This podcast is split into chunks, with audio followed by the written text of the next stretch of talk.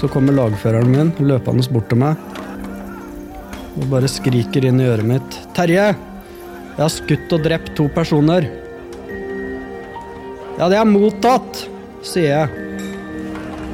Våre historier, en podkastserie fra Forsvaret.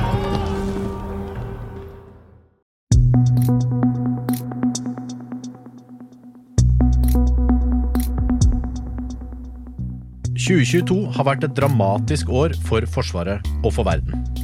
Russland sitt angrep på Ukraina har jo gitt en helt ny sikkerhetssituasjon i Europa, ikke minst for oss med grense til Russland. Her hjemme har jo krigen gjort at bl.a. allierte krigsskip patruljerer sammen med oss i våre farvann. Og at heimevernssoldater må holde vakt ved norske olje- og gassanlegg. Og ikke minst så bestemte jo regjeringen at Forsvaret sin beredskap skal økes. Ja, Og så må vi innom varslingssakene i Forsvaret. Ja, for eh, denne utgaven av Forsvarspodden eh, skal vi se tilbake på forsvarsåret 2022. Du hører på Forsvarspodden. Jeg heter Lars Hallingstorp. Og jeg heter Hege Svanes.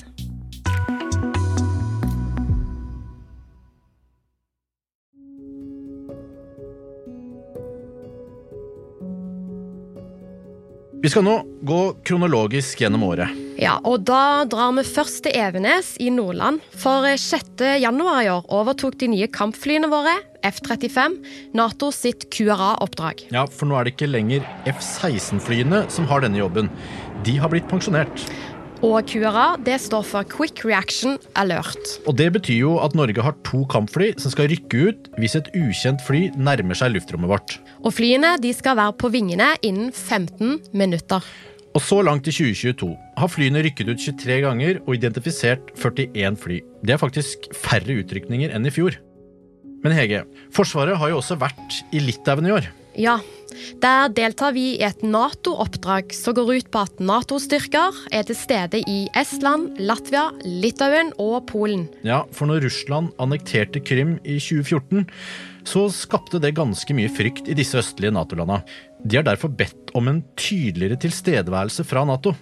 I lys av den spente situasjonen i Europa, så har regjeringa beslutta å styrke det norske bidraget til Natos framskutte nærvær såkalt EFP, i Litauen. Vi eh, tar sikte på å forsterke den eh, norske EFP-styrken med én tropp. Så i år sendte Norge altså en ekstra styrke på 50 soldater til Litauen. Og de kommer i tillegg til de 150 soldatene fra Brigade Nord som allerede har deltatt i oppdraget.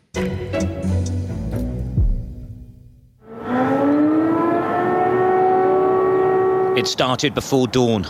Ukraine woke to explosions around the capital. Air raid sirens blared out across the capital.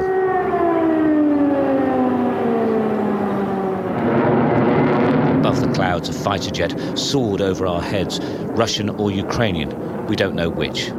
This was to be a day of targeted attacks by the Russian forces. Etter mange måneder med tilspissing av konflikten mellom Russland og Ukraina brøt det ut krig i Europa. Ja.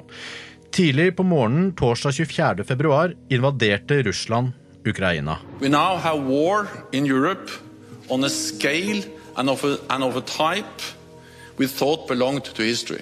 NATO allies condemn Russia's invasion of Ukraine in the strongest possible terms. Mange trodde krigen skulle gå fort over. Ja, det var vel Putins plan. Men krigen dominerte egentlig hele 2022, og det ser ikke ut som om det tar slutt i overskuelig fremtid. Og bare noen få uker etter Russlands invasjon så deltok 30 000 soldater fra 27 forskjellige land i øvelsen Cold Response i Norge. Ja, Dette var den største norskleda øvelsen siden den kalde krigen. Og på øvelsen var òg Natos generalsekretær Jens Stoltenberg. Good morning. It is uh, great to be uh, back at uh, Bardufoss and to meet forces taking part in the cold response exercise. In the last um, few years, we have seen a significant increase in Russian military activity here. This is a testbed for many of Russia's novel uh, weapon systems. It is the home of Russia's strategic submarine fleet. Russia's military buildup is the most serious challenge to stability and allied security in the high north. Og selv om øvelsen hadde vært planlagt lenge før invasjonen, vakte det naturligvis stor interesse når et Nato-land inviterer mange nasjoner til militærøvelse så tett på grensen til Russland. Ja, over 200 journalister fra hele verden fikk se norske og allierte styrker trene under arktiske forhold. Øvelsen var utrolig viktig for det nordiske samarbeidet. Finske og svenske statsledere og militære sjefer deltok på øvelsen. Ja, og 18. mai leverte Sverige og Finland sine søknader om Nato-medlemskap. Så nordisk samarbeid blir bare viktigere framover. Ja, og nå gjenstår det bare at Tyrkia godkjenner søknadene, sånn at Sverige og Finland blir fullverdige medlemmer av Nato. På Cold Response i år skjedde det òg en tragisk ulykke. Ja, Fire soldater fra det amerikanske marinekorpset omkom i en flyulykke i Gråtodalen ved Beiarn i Nordland. Deadly crash in Norway. A U.S. Marine Osprey aircraft going down in a mountainous region.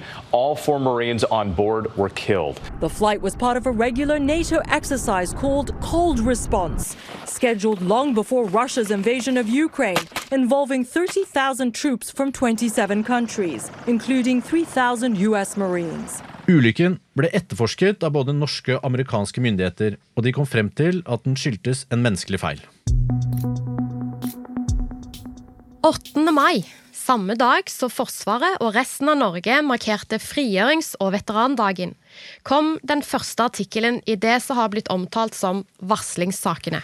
For da publiserte VG en artikkel om en sersjant som hadde snikfilma en kvinnelig soldat i dusjen. Julie Sandanger ble filma i dusjen av sjefen sin flere ganger. Mannen fikk en dom, men mista ikke jobben i Forsvaret. Det ble mange saker i mediene, og forsvarssjefen sa i et TV-intervju at Forsvaret er i krise. I juni leverte han rapport til forsvarsministeren. Ja, I rapporten anbefaler han en ekstern gjennomgang av varslingssystemet i Forsvaret. Og det var konsulentselskapet PwC som fikk det oppdraget. Og når PwC leverte sin rapport, var det ingen overraskelse at de ga Forsvaret ganske så hard medfart. Vårt hovedfunn er at vi mener Forsvaret har en uensartet praksis for varslingshåndtering, der risikoen for mangler og feil er forhøyet. Og så i juni bestemte regjeringen å levere tilbake åtte NH90-helikoptre som skulle brukes av Kystvakta og på fregattene våre. Ja, og det har jo vært et ganske håpløst prosjekt. For eh, over 20 år etter at helikoptrene ble bestilt, har vi bare fått 8 av 14 helikoptre. Forsvarsminister Bjørn Arild Gram fortalte om avgjørelsen på en pressekonferanse. Regjeringa har tatt en beslutning om å heve kontrakten og avslutte innfasinga av MK90-helikoptrene. Men Hege, vi har jo også fått nytt materiell. Ja, i februar så landa det første nye Poseidon-flyet på Evenes. Det er et patruljefly som skal overvåke havområdene våre, og vi skal ha til sammen fem stykker som i løpet av 2023 skal ta over for Orion-flyene som vi bruker i dag. Og i høst så døpte justis- og beredskapsminister Emilie Enger Mehl det første av tre nye kystvaktfartøy. Og disse skal ta over for de gamle fartøyene som ble bygget på 80-tallet. Disse skipene utgjør en kraftfull løft for sivil beredskap og eh, militær beredskap. Eh, skipene vil være en viktig støtte for søk og redning i eh, hele Norges ansvarsområde. Og det gjør også at vi får større rekkevidde på helikopterkapasiteten vår med SAR Queen redningshelikopter. Så må vi jo ikke glemme lastebilene. Nei, for i år har Forsvaret fått 145 av i alt 500 nye lastebiler. Til sammen skal det kjøpes lastevogner for 2,5 milliarder kroner. Det er mye lastebil. I tillegg til å ha kjøpt utstyr og materiell til eget bruk, så har vi også donert våpen og utstyr til Ukraina. Ja, og i starten så donerte vi hjelmer og beskyttelsesutstyr, men seinere så har vi gitt Ukraina tyngre skyts, som f.eks. luftvernsystemet NASAMS. Men eh, vi har jo hjulpet Ukraina på flere andre måter, Lars. Ja, Sammen med SAS evakuerer Forsvaret pasienter fra Ukraina til sykehus rundt i Europa i et ombygd Boeing 737 passasjerfly. Også. Her skal vi løfte den litt her i? Støtter du beina, Rune? Ja, good. On three, one, two, three. Yeah, OK? Her forteller anestesilege Håkon Asak om hvordan oppdraget er. Nei, Det er et veldig eh, givende oppdrag, selvfølgelig, å, å, kunne hjelpe Det blir jo veldig direkte det man gjør. Man, man, helt konkret går inn og gjør en forskjell for noen, sammen med mange andre. Vi er jo veldig mange som har et nært samarbeid om dette her. Dette er ikke noe one man show. Er det noe som har gjort særlig inntrykk på deg? Ja, hver eneste flygning gjør sterkt inntrykk. Men det er klart at å flytte spesielt uh, unge mennesker som har blitt utsatt for alvorlige krigshandlinger, det gjør store inntrykk. Og eksempel eh, ja, unge mennesker som har blitt skutt i nakken og blitt lam fra, liv, fra halsen og ned, f.eks. Som, som har eh, vært vanlige studenter, sånn som vi gjør i Norge, og har valgt å gå i krigen og forsvare sitt eget land. Eh, som blir utsatt for sånne handlinger og blir egentlig kvesta for livet, men allikevel klarer å uttrykke en takknemlighet og en, et et naturlig smil, på en måte, det, det, det kjenner jeg at det, det, gjør noe med meg, selvfølgelig. I høst har Forsvaret òg bidratt til opptreningen av ukrainske soldater.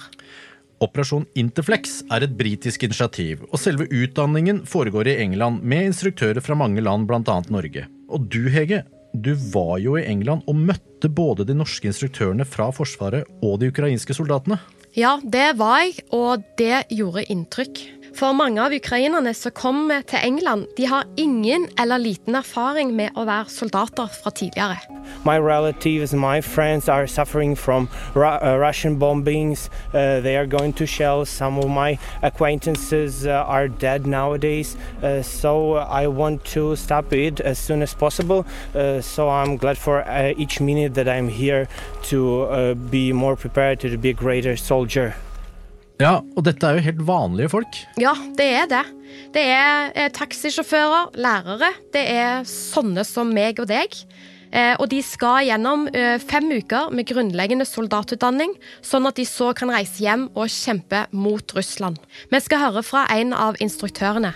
De er den mest motiverte gjengen jeg har vært uh, borti. Den mest uh, reflekterte gjengen jeg har hatt med å gjøre rundt det å dra i kamp. Um, fordi at de vet hva de går til. Til forskjell fra veldig mange andre som er motivert for å dra i kamp, så kommer disse fra Ukraina. De kommer fra artillerineslag, de kommer fra å ha familiene sine drept og lemlesta. Eh, de kommer fra krigens grusomheter. Eh, og de kan ikke få den treninga her unna fort nok for å kunne dra tilbake og bidra til å frigjøre landet sitt. Eh, de er, de er helt vanvittig motivert. Eh, det er rett og slett det er en gjeng med godhjerta banditter. Vi identifiserer oss umiddelbart med dem.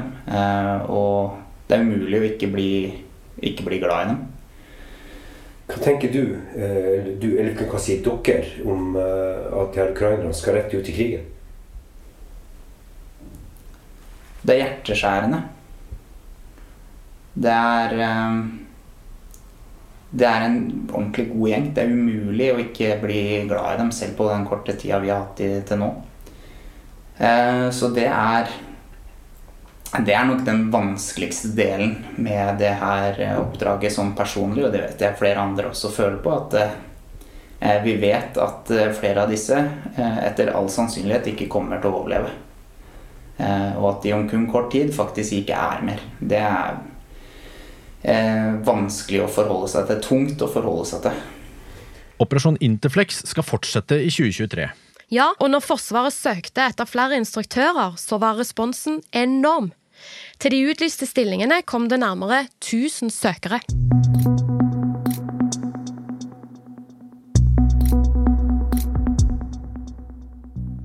Dette var del én av vår oppsummering av forsvarsåret 2022. Del to kommer neste fredag. Da skal vi til Østersjøen. Likte du det du hørte? Del gjerne episoden med venner og kjente. Og husk at hvis du abonnerer, så kommer nye episoder rett på telefonen din. I denne episoden har du hørt klipp fra NRK, Sky News og ABC News. De som lager Forsvarspodden, er Jørgen Lyngvær, Thomas Haraldsen, Kristine Hellesland, Fredrik Tandberg Hege Svanes. og meg, Lars Hallingstorp.